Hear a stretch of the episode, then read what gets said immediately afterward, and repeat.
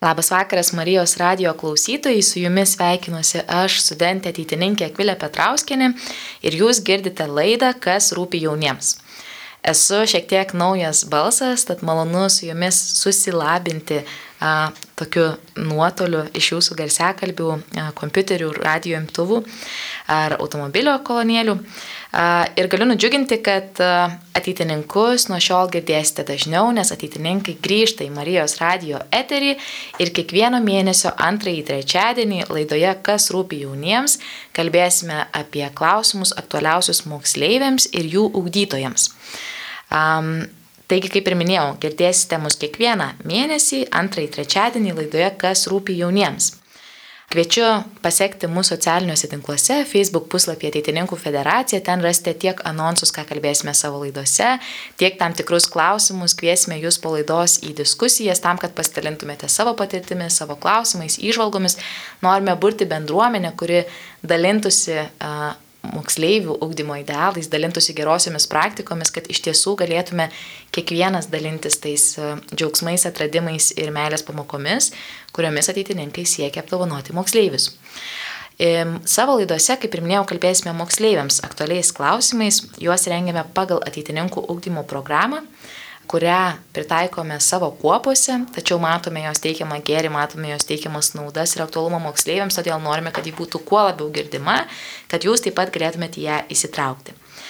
Šiandien mūsų studija pilnut pilnutėlė, girdėsite mus net keturis, nes kartu su manimi yra ateitininkė Rugilė Kazlauskenė, psichologė, mama, kuri šiuo metu itin orientuojasi vaikų ir jaunimo psichologijos klausimais ir kuri bent jau mano socialinių tinklų visą tinklelį labai puošia nuostabiais vizualais ir nuostabiomis reklamomis iš savo kuriamo filmuko vaikams apie emocijas. Sveika, Rugilė. Labas, Akvilė, smagu būti čia.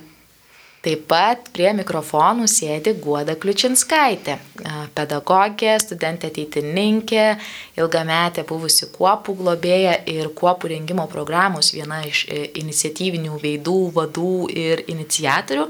Tad sveika Guoda, labai malonu šiandien tave čia turėti. Labas, labas. Ir mūsų jauniausias, bet tikriausiai daugiausiai šią temą pasakyti galintis dalyvis šiandien, Pijus, kuopos globėjas, jaunučių ateitininkų kuopos globėjas, moksleivis ateitininkas, pats augęs kuopoje, o dabar savo talentais, žiniomis ir gebėjimais bestilinantis kaip globėjas. Labas, Pijau. Labas. Taigi, visų pirma, galim pasikalbėti, kas iš vis ateitininkų ūkdymo programa ir kodėl ji galėtų būti aktuali kitiems, ne tik mums. Tad, Guodė, gal galėtum trumpai papasakoti, apie ką ateitininkai kalba kuopose šiuos metus, kodėl tokia buvo tema pasirinkta, kaip, kaip ji yra sudėliota ir kodėl tai galėtų būti aktualu ne tik ateitininkams. Ateitininkai veikia ne tik mokslo metais, bet ir vasaromis. Vasaromis susibūrė į berčiūnų stovyklas ir tos stovyklos paprastai turi irgi kokią nors temą. Tad mes praeitą žiemą su draugais ateitininkais, tarp jų buvo ir pijus, e, kartu susibūrėm ir mąstėm, kokią problemą pastebim arba už ko norėtume užkipti, kad labiau paskatintume tuos moksleivius kažkur e, judėti. Ir tas raktažodis, kuris va, tose mūsų diskusijose suskambėjo, tai ši buvo lyderystė. E, galbūt stoka vat, prisimti atsakomybę, bet kažkaip ta žodis lyderystė mus taip pat grasė ir jis nesuskambo. E, tuomet mūsų taip mintis sekė apie tarnavimą, apie tarnystę, apie pastebėjimą kito, atidą kitam. Ir galiausiai mm, kažkaip tai visas susisėjo apie meilę, apie meilę kitam, bet pirmiausia žvelgiant į save su meilė. Į save, į kitą ir tada aš galiu būti toj bendruomeniai, e, mylintis ir pastebintis kitą. Tad taip gal suskambo to žodžių junginys e, drąsus meilė gyventi. Ir man visai svarbus to žodis drąsūs. Atrodo, kad gal mes žinom, ką reiškia mylėti ar kaip reikia mylėti, bet va tos drąsos pristinga prieiti. Ir taip pradžia buvo vasara, vasaros stovykla, bet per dešimt dienų turbūt yra gan mažas laiko tarpsnis, per kurį galima būtų spėti čia išgvildenti tokią temą. Ir ateitininkai iki šiol gal tokio labai suplan, tokio detalaus plano ar tokios vizijos metams neturėjo, tad sakyčiau, kad tai yra naujiena, jog nuo šio rugsėjo buvo parengtas toks mėnesių temų planas, potemių pateikta, ką kiekvieno sustikimo metu būtų galima gvildenti kuopoje. Tad mes tą temą, drąsus meilę gyventi, į ją žvelgiame tokiamis trimis kryptimis. Pirmoji rugsėjo, spalio, lapkričio mėnesiais, rudenį. Pirmoji skambėjo taip, kad mylėti save, priimti kaip Dievo norėta, kaip jo mylima. E, dabar atėjus žiemai, gruodžio, sausio mėnesiais labiau žvelgiama į santyki, kaip aš esu su kitu, apie šeiminiškumą, apie draugystę, apie tarpusavio ryšį. Galiausiai e, laukia antrasis gal mokslo pusmetis arba jau pavasarėjant, e, mes kviesime kuopose kalbėti apie tai, o ką reiškia visuomeninis veikimas, ką reiškia būti bendruomenėje, ką reiškia būti klasėje, kuopoje ar šiaip e, lietuviu, kaip prisimti atsakomybę už, už savo šalį ar netgi bažnyčią, kokia mano čia yra rolė. Tad gal taip pat bendrai peržvelgiant, ta tema atrodo taip. Ir mes kaip tik šį mėnesį pirmą kartą susitinkame e, šios temos e, potėmės tam tikras gvildenti radio studijoje. Šį mėnesį kalbėsim apie e, meilę artimui, tai yra taip, kaip mes bendraujame su savo šeimos nariais, su kitais artimaisiais, su draugais. O kitą mėnesį tęsime apie a, įsimylėjimą, meilę a, antrai pusiai ir visą tą a, santykių irgi pusę. A, ir toliau kitus mėnesius taip pat tęsime pagal šias temas. Pijau, tau tenka tiesiogiai su moksleiviais kalbėti šiomis temomis. Tiesa, jaunučiai yra patys jauniausi, galėsi kaip tik klausytojams dar patikslinti jų amžių, maždaug kokio amžiaus vaikai lanko kuopą. Ar ta tema net ir jaunesniems moksleiviams yra aktuali ir kokie pagrindiniai klausimai, gal kokie pagrindiniai aspektai jums iškyla diskusijose, kituose užsiemimuose? turbūt e, aktualumą sunku patiems vaikams suprasti. Žinoma, skiriasi ir vaikų amžius. Mano globojimai kuopai vaikai yra nuo 9 iki 15 metų. Ir e, tas suvokimas šitos temos yra automatiškai visiškai skirtingas. Kalbant apie patį kuopos formatą, tai jis yra toks draugystės, iš esmės susitinka vis tiek draugai, artimi, e, kažkokie stengiasi kažkokį tarp savęs ryšį e, jungti. Gal gali papasakoti, e, kai susitinka moksleiviai po ilgesnės pertraukos, Nes vis tiek, kai kuopos veikia, jos yra maž, mažos grupelės ar ne, bet mes turim ir tuos tradicinius renginius, kaip akademinius savaitgalius ar panašiai, kurie suvažiuoja ir iš skirtingų miestų ir panašiai. Ar tos draugystės, kurias jie užmeska ateitininkų renginiuose, ar, ar tos diskusijos tos pačios, kurios gal net nebūtų kitose formatuose labai įprastos tokio amžiaus vaikams, ar jos kuria tą tvarumą draugystėje, ar jie jaučiasi, kad yra artimesni, pasitikintys vienis kitur ir panašiai. Žinoma, toks kažkoks e, bendras turinys patirtas tarp, e, kad ir skirtingose miestuose gyvenančių vaikų, tai tikrai jungia. Ir pavyzdžiui, vaikai susitinka berčiūnuose, bet jie yra iš skirtingų, iš skirtingų miestų ir tada jie atrodo, nu, nėra kaip bendrauti jiems per mokslo metus. Ir čia yra toks kaip e, tarpininkas tarp jų, toks netiesiog atrodo labai keistas, netiesioginis, bet e, tai jungia ir bendrą patirtį, e, nors atrodo skirtingose kuopose tai gali būti visiškai skirtingais keliais prieinama prie šios temos, tačiau ta kažkokia esmė išlieka ir taip, ir tai tikrai jungia vaikus. Man atrodo, e, labai teisingas tavo pastebėjimas buvo, kad e, ateitininkams ta draugystė tarpusavėje tikriausiai yra kur kas aktualesnė, nes įprastai vaikai, kurie lanko kopas, yra arba iš tikinčių šeimų, arba iš kažkokios bažnyčios bendruomenės ir panašiai, tai tie jie, savo šeimos tam tikrą modelį jie jau turi ganėtinai panašų. Rūgilė, tau kaip psichologijai tenka ne tik su vaikais, bet ir su tėvais bendrauti. Ar dėl santykio tiek tarp šeimos narių, tiek tarp draugyšių, vat, moksleiviams, tiem patiems, ar dažnai tėvai kreipiasi ir ar tai yra tema, kur prisireikia kažkokios pagalbos, patarimų ar lyderystės? Tai žinoma, labai labai dažnai kreipiasi.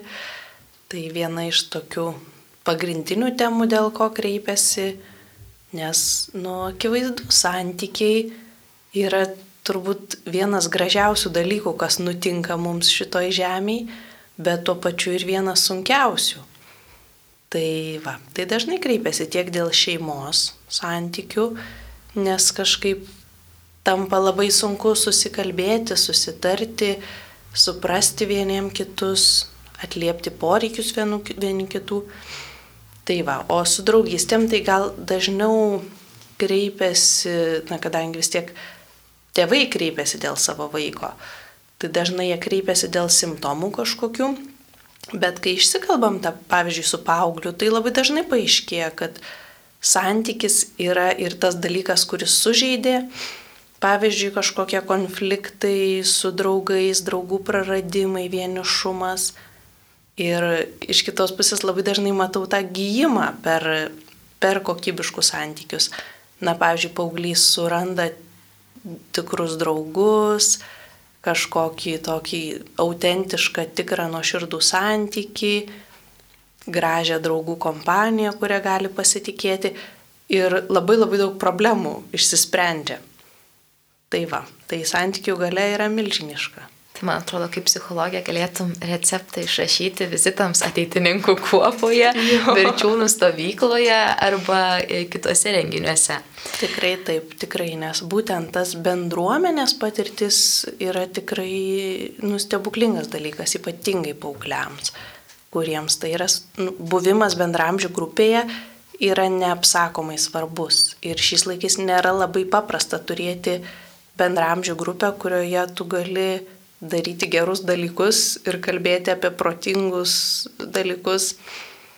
Tai, tai va, tai yra vienas iš tokių tikrai norėčiau ir savo vaikam išrašyti tą receptą ir, ir tūkstančiams kitų vaikų. Graži tikrai ta bendruomenė, viena iš priežasčių, kodėl mes irgi būtent šitą ugdymo programą siekiam perkelti į radio eterį, kad kuo daugiau žmonių galėtų išgirsti tas temas, tas aktualijas, kuriamis kalbame ir pritaikytų jas savo gyvenime, kiek tai įmanoma. Tai viena pirmųjų potemių šitoj temoj, e, šių mėnesių temoj, kai kalbam apie meilę artimui ir panašiai, ir buvo e, mylėti savo artimą kaip save patį. Man visada atrodo, kad šita frazė gali būti interpretuojama milijonų skirtingų variantų, milijonų skirtingų būdų, pradedant vien nuo to, kas yra tas artimas.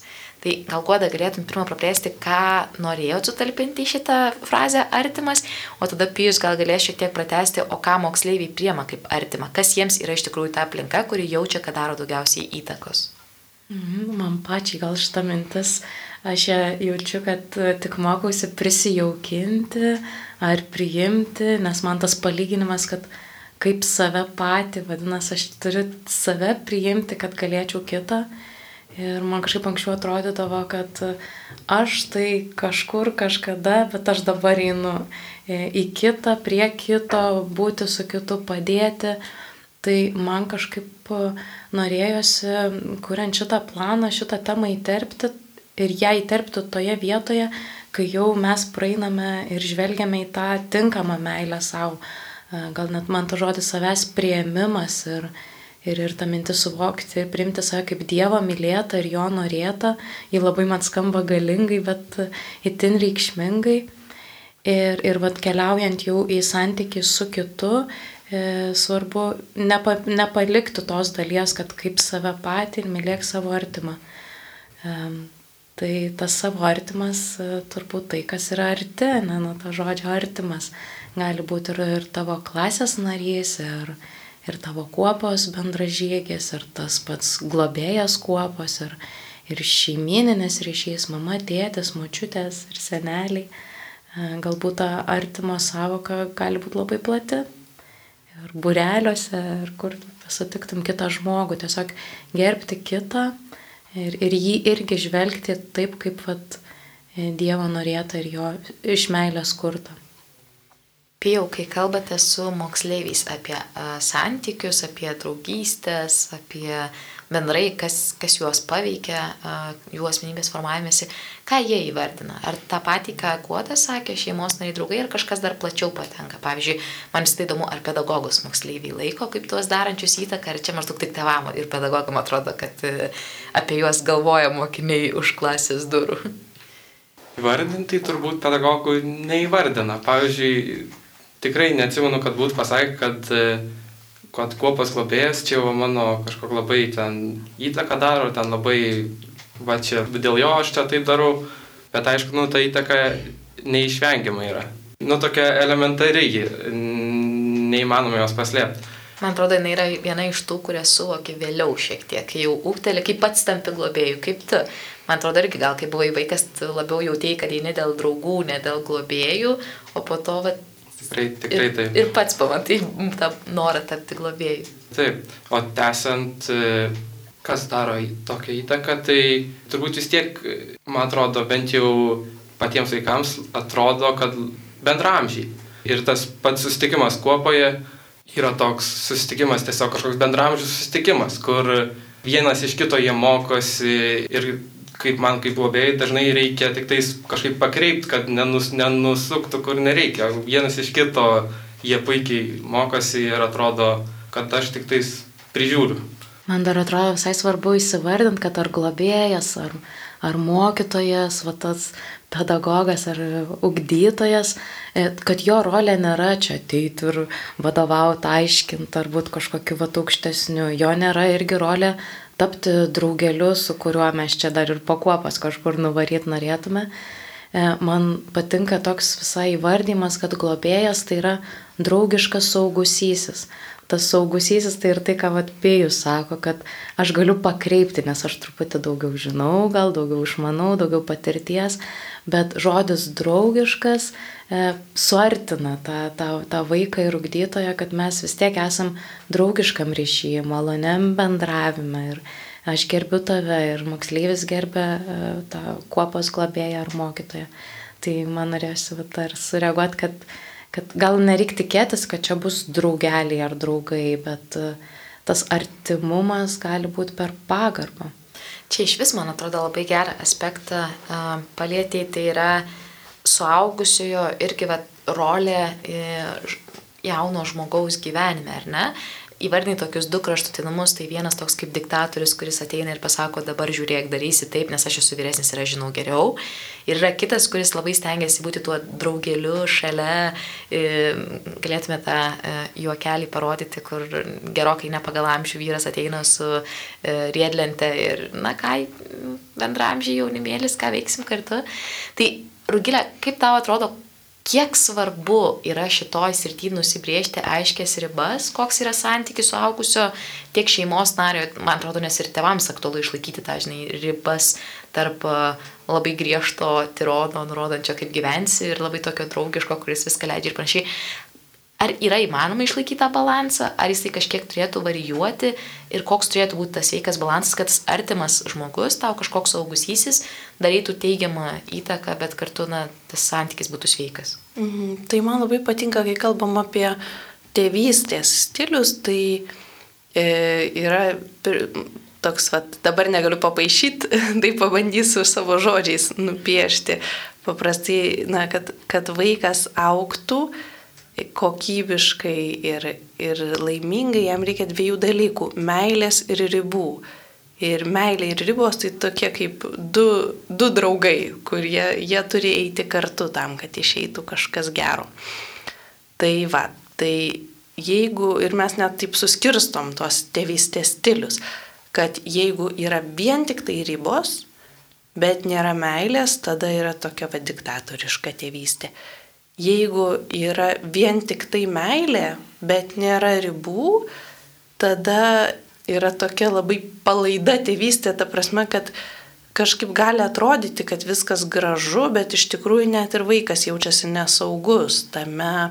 Jis jaučiasi tarsi maža žuvytė paleista į didelį vandenį, kur aš galiu daryti visiškai bet ką, bet tuo pačiu esu labai pasimetęs, ką man daryti ir man trūksta kažkokių gairių, kurios suteiktų saugumą. Nu va, ir tada tas idealusis variantas tai yra, kur yra ir meilė, ir ribos. Ir tai mes vadinam autoritetingą tėvystę. Ir lygiai tas pats pritaikoma ir pedagogų santykėje su moksleiviais, ir kuopų globėjų santykėje su kuopos nariais. Kad tu, ta prasme, jeigu nori pasitikrinti save, ar ar aš esu geras kuopos globėjas, tai tiesiog pagalvok, ar ar yra mūsų vat, santykė su vaikais, ar vaikai jaučia mano meilę ir ar vaikai jaučia iš manęs sklindančias ribas. Ir jeigu atsakymai abu du yra taip, vadinasi viskas gerai. O kokios tos ribos turi būti ten? Ar galiu eiti ledų suvalgyti po kopos, ar negaliu su vaikais? Tikrai aš neatsakysiu, nes tikrai nemanau, kad yra skirtumas. Ta prasme, kad kiekvienu atveju individualiai nusprendžiate, suprantate, pajaučiate, kaip reikia daryti, bet labai svarbu, kad iš esmės vaikai jaustų, kad tos ribos yra ir kad tuo pačiu jaustų, kad jie yra mylimi ir jie rūpi šitam žmogui ir jisai stengiasi dėl jų. Kai sakom, uh mylėti savo artimą kaip save patį, man visada e, iškyla klausimas, kaip teisės studentai, ar tai yra absoliuti tiesa ir absoliučiai visada reikia to laikytis. Um, tai ar tikrai visada reikia mylėti artimą? Jeigu mes esame kažkokioje toksiškoje aplinkoje ar panašiai, kur jaučiam, kad tai gali būti žalinga vaikui ir taip toliau, ar yra kažkoks irgi kriterijus, vat, kada jau tu gali sakyti, kad čia jau nebe meilės reikia, o reikia bėgti iš situacijos, ar kaip tik visada turėtų vis tiek būti sprendž... bandoma per meilę spręsti net ir konfliktinės kažkokias situacijas, net ir ribinės situacijas, kur vaikas jaučiasi nesaugiai ar, nežinau, ne, neprūpintas meilė dėmesio ir kitkuo. Mhm. Nu tai čia jau šiaip tik tai atsakant, kad meilė yra labai gražus dalykas, bet mylėti galima įvairiai, kartais galima mylėti ir per atstumą, jeigu yra, pavyzdžiui, labai komplikuotas santykis ir, ir tikrai pasiekmės abiems pusėms būna siaubingos, tai, na, pavyzdžiui, su kai kuriais giminaičiais, tai kartais nu, nebebendrauja tie žmonės, nes tiesiog mato, kad bendravimas sukelia tokių skausmą, kad geriau būti nebendraujantiem ar ne, tai e, svarbu, na, meilė, meilė, bet svarbu suvokti, ko, kokias pasiekmes sukuria šitas santykis mums. O kai tu uždavėjai klausimą apie vaiką, tai norėčiau, kad truputį patikslintum, gal kažkokią situaciją gali pasakyti, kad suprasčiau, apie ką kalbi. Čia gal labiau toks, e, neturėjau kažkokio labai konkretaus pavyzdžio, bet uh, man pats tas pasakymas kėlė klausimą, ar, vis, ar visada tai yra absoliutu. Ar, bet man labai gražiai atsakai per tą prizmę, kad galima mylėti per nuotolį, per atstumą. Tas man atrodo labai išsprendžia, kad jeigu mes išimam iš kažkokio santykio su artimu, tai nereiškia, kad uh, jau tai yra, žinai, neišsprendžiama situacija ir kažkokia žala, kad uh, kai kada kaip tik geriau tada tiesiog uh, per atstumą turėti kažkokį požiūrį į tą žmogų, negu, negu turėti kažkokį bendravimą, kai tai yra toksiška aplinka tiesiog.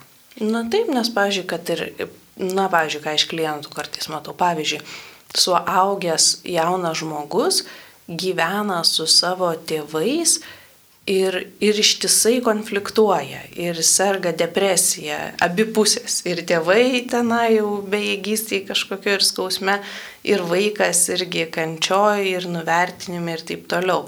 Bet jie labai artimi, jie va, kiekvieną dieną prie to paties stalo valgo ir kiekvieną dieną šnekasi ten po dvi valandas apie kažką, apie politiką ginčijas ir panašiai. Tai to artumo daug, bet e, skausmo tame santykėje irgi labai daug ir kentėjimo abiejų pusių. Ir tada kartais būna, kad, na, pavyzdžiui, toks žmogus išsikrausto, pavyzdžiui, atskirai gyventi ir atvažiuoja pas tėvus e, savaitgalį suvalgyti pietų sekmadienį ir, ir tiesiog nu, atstumas padidėja, laiko kartu praleidžiamo sumažėja, bet kokybė, abiejų pusių gyvenimo kokybė pakyla neįtikėtinai ir tas pats buvimas kartu tampa kokybiškas ir smagus. Tai va, tai ne visada kiekybė to laiko drauge nu, reiškia, kad mes čia labiau mylim vienas kitą. Jeigu prie mūsų prisijungėte tik dabar, tai priminsiu, kad klausote laidos Kas rūpi jauniems. Už studijos mikrofono esu aš, studentė ateitininkė Akvilė Petrauskinė. Ateitininkų balsus laidoje Kas rūpi jauniems girdėsite kiekvieno mėnesio antrąjį trečiadienį. Ir šiandien su manimi yra moksleivis ateitininkas, kuopos globėjas Pijus Ivanauskas, pedagogė, studentė ateitininkė ir kuopų ugdymo programos rengėja Guoda Kliučinskaitė ir psichologė, ateitininkė Rugilė Kazlauskinė. kaip tik labiau pasukome jau savo klausimus į šeimą iš artimųjų būtent rato, taip jau gal kaip tik norėčiau nuo tavęs, kaip kuopos globėjo ir pradėti. Daugiausiai bendrauji su moksleiviais. Kaip matai, kaip su amžiumi jiems keičiasi šeimos narių svarba ir įtaka? Nes kaip tik minėjai, kad kuopo jau moksleiviai daugiau vertina tą draugystę, mažiau kalba šeimos klausimais. Tai kaip matai tą būtent pokytį svarbos ir įtakos šeimos narių? Iš tikrųjų labai sunku pasakyti, nes vis tiek e, su tėvais kontakto kažkokio labai nėra, o tas vaikų, kiek jie dalinasi e, apie savo šeimą, tai žinoma, mažesni vaikai e, dar turi tokį, kaip čia pavadinti, tėvų rūpinimosi kažkokį aspektą, kad tėvai jais dar kažkaip e, labai prižiūri juos. Nu, Labiau įsitraukia į gal jau tuos kasdienius uh, įvykius. Taip, nu, pavyzdžiui, jauniausiams vaikams yra, jie yra trečiokai, jiems yra 9-10 metų. Aišku, kad tas toks yra, nu, sakyčiau, būtinas prisirišimas kažkoks. Vyresni vaikai to jau nebeturi. Turi, bet e, šiek tiek mažiau šito. Dar galiu pridėti, kad e, aš dirbu ir mokytoje, bendrauju su devintokais, dešimtokais ir visai neseniai vykome į ekskursiją į Kauną, autobusu važiavome ir grįžtant, kokią pusę kelio buvo tokia tyla tam autobuse, aš jau ten pasižiūrėjau, aišku, muzika, telefonai, visi savo reikaluose, bet nuskambėjo viena tema, kuri visus prakalbino ir privertė išsimti ausinės iš ausų ir kažkaip su, subendrino. Tai būtent apie tėvus jie pradėjo kalbėti. E, kažkas net skaitė žinutės, kokias parašo mama ar tėtis. Ir aš taip nenorėjau ten taip atidžiai visko klausytis, bet pasiekė ir mano ausis dalis to, kuo jie dalinosi. Tai kažkaip aš labai jautriai tai priemiau ir atrodo jie paaugliai, devintokai, dešimtokai. Ir, ir atrodo, kad čia gal jiems tie tėvai nerūpi. Aš supratau, kad jie taip skaito juos ir taip mato ir taip jaučia ir jiems taip reikšminga. Tai kartais atrodo, kad gal tie paaugliai tokie, čia kažkokie žiūkai nemalonus, bet, bet jie jautriai labai tai priema. Aš jei neklystu, kažkada ateitie žurnale e, buvo straipsnis, kuriame dalinaisi, kad guoda pas tavo tėvus namuose yra ant sienos užrašas meilė prasideda namuose. Aha, tai, priminiai.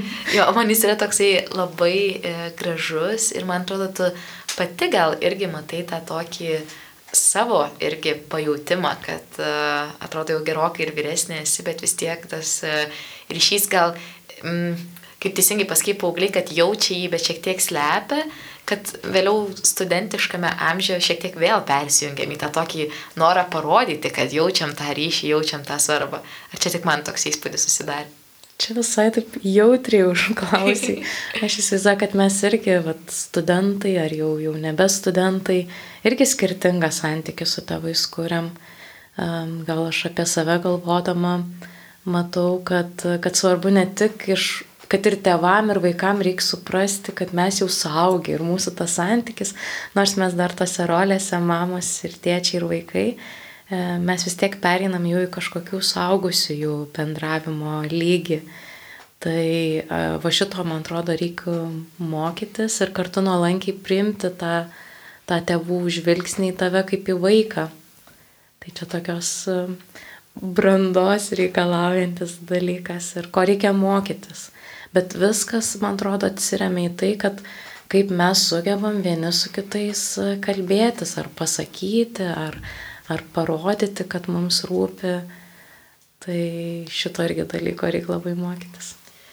Rugilė, kaip tik laidos e, pradžioje minėjai, kad visai dažnai tėvai kreipiasi dėl santykių šeimoje ir kaip bendrauti su savo vaikais. Tai kaip tu matai tą tėvų įtakos ir svarbos pokytį su vaiko amžiumi Ir ar yra kažkokios, nežinau, ar tai kritinės rytis, kur, nežinau, reikia sukandus dantis išbūti ir viskas. Ar tie paaugliai būtinai turi būti ežiukais, ar čia yra normali jų raidos dalis, ar, ar gal čia jau kažkur padarėm klaidą, jeigu vaikas nusisuka nuo tavęs ir nenori tavęs klausyti. Kaip išspręsti visą tą makalošę, kad ir tėvai nepražiltų, ir vaikai jaustųsi saugus, mylimi ir kartu nedusinami perdėti, nes, nežinau, priežiūros. Mhm. Tai būna tokia tikrai labai graži kelionė. Jeigu ar ne yra mažylis, kuriam mamos reikia labai labai daug ir mama visai stengiasi, nu pažaisk vienas 15 minučių, oi kaip būtų gerai. Paskui, ar ne, vis daugiau ir daugiau tas vaikas moka pažaisti vienas, bet jam vis dar labai reikia. Grįžta iš mokyklos laimingas, pasakoja tėvams, kaip ten kas jam sekėsi, nori būti su tėvais, labai laukia, kol pažaisim kokį žaidimą visi kartu, kol bus kažkoks savaitgalis draugė ar panašiai. Ir tada ateina tokia diena, kai tas vaikas užsidaro kambario duris. Man toks visai gražus simbolinis momentas, kad, kaip pavyzdžiui, gana dažnai, kai nedideli vaikai, kambario duris būna adaros. Ir vieną dieną pamatai, kad tos durys uždarytos. Ir taip įdomu, ką jisai ten veikia už tų uždarytų durų.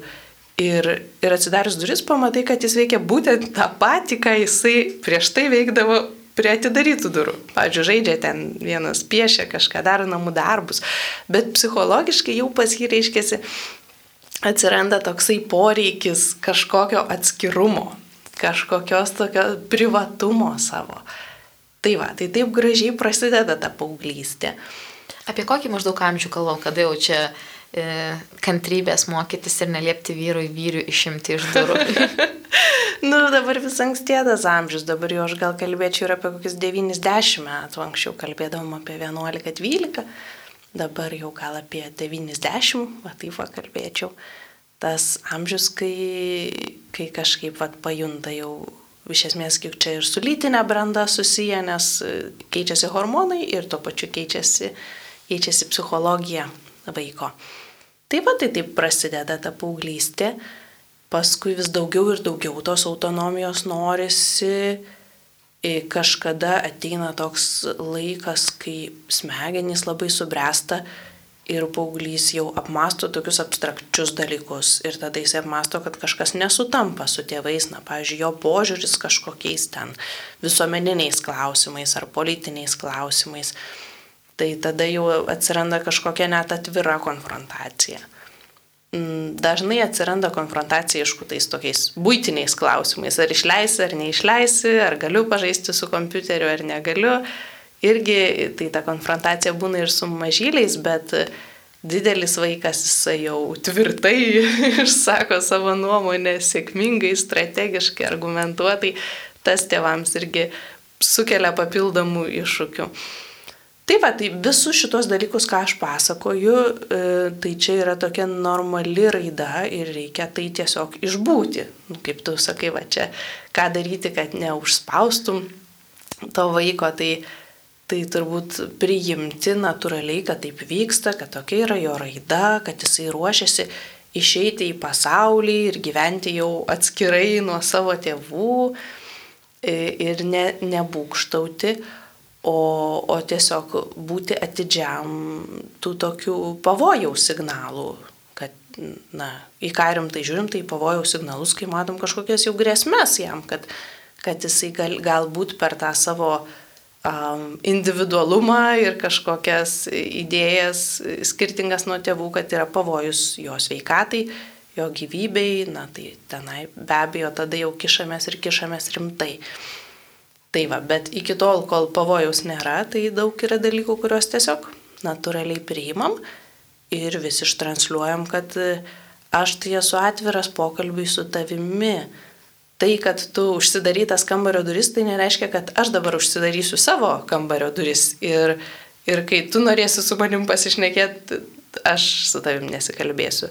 Čia būtų labai blogas variantas. O tėvų tėvų užduotis yra būti tais, kurie visai ištranšiuoja, kad aš esu atviras buvimui su tavim, pokalbiui su tavim, aš, kai tau manęs reikės, aš būsiu. Ir tų momentų, kai jam reikia tėvų, jų visada ir pasitaiko. Ta prasme, kad tas pats paauglys, net kai jam 17 metų ir kai jis galbūt visą savaitę su tėvais nesi, nesidalina, kas ten jo pasaulyje vyksta, vieną dieną jisai ateina ir staiga pasipasakoja ir dažnai pasipasakoja daug. Ir kaip jam kažkas sunku ir panašiai, nes tas irgi viduje paauglio irgi visą laiką yra toksai sviravimas, kad vienu momentu jam labai norisi turėti atskirą gyvenimą nuo tėvų. Ir paskui kažkurio momentu pasidaro per sunku ir tada jam norisi atsiremti ir vėl pabūti tuo tokiu mažyliu ir vėl nusikrauti tą savo naštą ir pasiguosti tėvam. Tada dar dažnai būna toks jokingas momentas, kai jis jau pasiguodžia, pasiguodžia ir tada nusibraukia ašaras ir vėl išeina į savo kambarį ir vėl užsidaro duris, tarsi vėl norisi to atsiskirimo. Ir, na, tevam tenka tiesiog būti tais, kurie mm, sėdi tomis išskėstomis rankomis ir yra pasiruošę ir priimti ir paskui paleisti vėl tą jauną žmogų į jo tą kūriamą savarankišką gyvenimą. Guoda tau kaip pedagogijai, pijau tau kaip globėjai kuopos, ar pas jūs irgi ateina su tais skauduliais tada, kada nenori eiti pas tėvus, nes vis tiek jūs turit savo ganėtinai, na, aiškę dienotvarkę, ką jūs turite perduoti moksleiviams. Guoda kaip mokytoja turi ugdymo programą, kurią turi sekti. Pijus irgi turi tam tikras temas, su kuriamis su moksleiviais kalbat. Bet kiek per jūsų tą kuriamą santyki, kiek per jūsų kuriamą tą draugystę su, su moksleiviais, kiek irgi būna, kad ateina su kažkokiam skaudesnėm gal temoms, kažkokiais klausimais, ar pedagog, ar ugdytojas yra tas žmogus, į kurį moksleivis gali atsiremti tada, kai jaučia, kad namuose negali išsikalbėti. Man atrodo, e, gal ką irgi mokusiu suprasti, kad aš netliepsiu kiekvieno, kiekvieno ten esančio klasėje ar tame būryje moksleivių, bet aš kaip guoda, aš kaip žmogus, man, man tikrai jūs, e, kiekvienas tas mokinys rūpi ir rūpi tai, kas jiems skauda ir tuo, ko jie džiaugiasi ir aš kažkaip stengiuosi tai parodyti, vienam gal per kažkokį užkalbinimą, kitam gal e, per pertrauką kokį nors žestą pa, pa, parodai ir mes jau kuriam kažkokį ryšį. Ir aš jaučiu, kad e, man svarbu mokiniam parodyti, kad ne tik, kad aš čia dabar noriu teisingai išmokyti rašyti, bet pirmą, tai mes mokomės būti žmonėmis, va tą tokį artumą kurti. Ir aš dažnai pradedu pamokas nuo to, kaip laikotės, kaip kuo jūs gyvi, man, kad sukurčiau tokią nuotaiką, kad mes čia esam savi ir mums svarbu, kas vyksta mūsų gyvenimuose.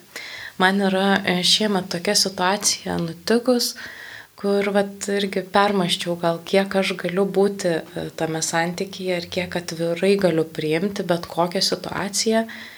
Aš pastebėjau pamokos metu vieną merginą, kuri buvo labai jau susigaudinus, aš aišku atkreipiau dėmesį, mes likom po pamokų, po pamokos tos ir jinai man pradėjo dalintis tuo, kas ten jos gyvenime įvyko ir aš supratau, kad man yra truputį per daug dabar. Aš ne, negaliu jos gyvenimo ir išgelbėti ir šią akimirką aš pati nesijaučiu tokia tvirta ir stipri, bet kartu aš jaučiu, kad aš jos ir negaliu va taip va vienos palikti. Tai sprendžiau taip, kad aš suradau kitą suaugusį, kuriuo jinai pasitikė, nes tai, kad ji dalinosi su manim, jau man buvo ženklas, kad aš jai esu kažkoks artimesnis suaugusysis toje aplinkoje, bet ir kartu nenorėjau jos kažkaip atriboti ar atskirti. Tai man atrodo, kad visai gražiai išsisprendė ta situacija ir kad aš likau e, tam tikrose ribose, arba padėjau taip, kaip tą akimirką aš sugebėjau. Tai tokių situacijų būna ir čia va tik vienas gal toks pavyzdys ir jis man labai ryškus, bet, bet va to, mm, ką jie atsineša iš namų, tai labai jauti ir jų bendravime ir vis tiek mokykla ne tik apie žinias. Pijau, kaip kuopose, ar irgi jaučiat, kad parsinešate tam tikrą bagažą iš namų? Kažkaip nelabai, bet man atrodo, kad labai svarbu yra duoti galimybę pasipasakoti. Pavyzdžiui, mūsų kopoje, tai kiekvienos kopos pradžioje mes turim tokį laiką, kur kažkaip pasidalina kiekvienas, kaip savaitę praėjo, kad ir kokį vieną dalyką, kad ir nedaug, bet yra tokia galimybė, kad jeigu nori papasakoti, tai gali. Ir tai naudinga tikrai ne, ne tik pasakojančiam, bet ir klausančiam, nes pasakoja tai vienu metu tai tik vienas vaikas, o kiti irgi tokį kažkokį emocinį intelektą savo augina. Matom, kad to e, bagažo irgi šiek tiek moksleiviai atsineša, bet e, jiems yra labai svarbu, kad, e, kaip gal teisingai Guoda pasakė, nesimtume gelbėti visų situacijų, bet labai dažnai, ką galėtume padaryti, tai skurtume jiems saugią aplinką, kad jie žinotų, kad jie iš vis gali kreiptis ir po to kai kuriais atvejais gal nukreiptume juos kažkur, kur reikia.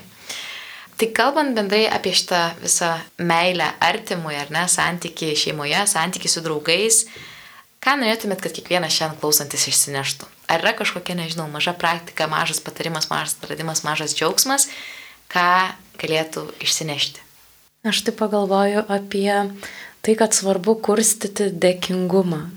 Ir tokia, tada ugdoma kažkokia atida kitam ir tas vat, artumo ryšys kūriamas. Tai pastebėt ir, ir priimti kaip dovana, kad kitas, nežinau, yra šalia ir, ir pasidžiaugti tuo, įgarsinti. Tai man atrodo taip išdrįst pasakyti gal ačiū dažniau. Pratęsiu guodos mintį, kad e, dėkingumas ir e, pagyrimai, pasidžiaugimai kitų žmogumi yra tokios e, malkos, kurios kursto kiekvieną santykį. Ir kai šitų dviejų dalykų nelieka, tai pasidaro tamsu tame santykėje. Tai va, tai kažkaip irgi antrinu, kad tiek dėkoti labai svarbu, tiek ir girti už tai, kas, ką žmogus padarė, kas jam pasisekė, kuris jisai bandė, kuris jisai stengiasi, kad tai sušildytų to žmogaus dieną ir tuo pačiu mūsų santyki, kuriame abu du esame. Mm, aš tai kažkaip apie atidumą kitam kažkaip norėčiau pakalbėti, kad ši, šitos temos pavadinimas drąsus meilė gyventi, kad kažkaip nebijoti pamatyti, kit, nebijoti prieiti prie kito, išklausyti. Taip.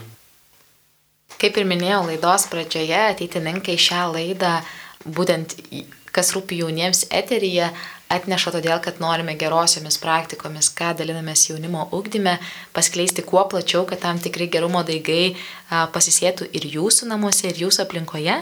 Tad kiekvienos laidos pabaigoje kviesim tam tikrą praktinę užduotį parsinešti ir į savo namus, ar į savo bendruomenės.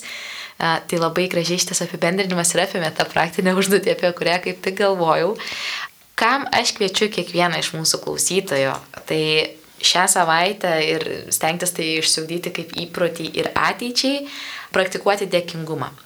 Ir tai daryti pastebint šalia savęs esančių žmonės, padėkojant jam už tam tikrus dalykus, padėkojant už gerus darbus, gerus žodžius, gerus poelgius, gerus kažkokius įpročius ir stengtis, jeigu tai nekyla labai natūraliai, stengtis ant pirštų paskaičiuoti, kiek per dieną ar pakankamai tų dėkingumo praktikų išsakėte, kol tai taps įpročiu, nes tai yra labai sveikas santykis, sveikas drusko žiupsnelis, toksai, kuris gero skonio suteikia kiekvienam santykiui. Ir kaip ir minėjau laidos pradžioje, kviečiu prisijungti prie Facebook puslapio Ateitininkų federacija. Ten pasidalinsime ir kviesime jūs pasidalinti, kokia smulkmena, įprotis, ar tai veiksmas, ar kažkokia tradicija jūsų draugų arba artimųjų elgesie primena, kad esate mylimas arba mylima. Mes visi šiandien diskutavę taip pat pasidalinsime komentaruose, kas mums primena, kad esame mylimi ir esame vertingi. Kviečiam tai padaryti ir jūs. Galbūt pasisemsite idėjų, kaip bendrauti su savo aplinkoje esančiais žmonėmis.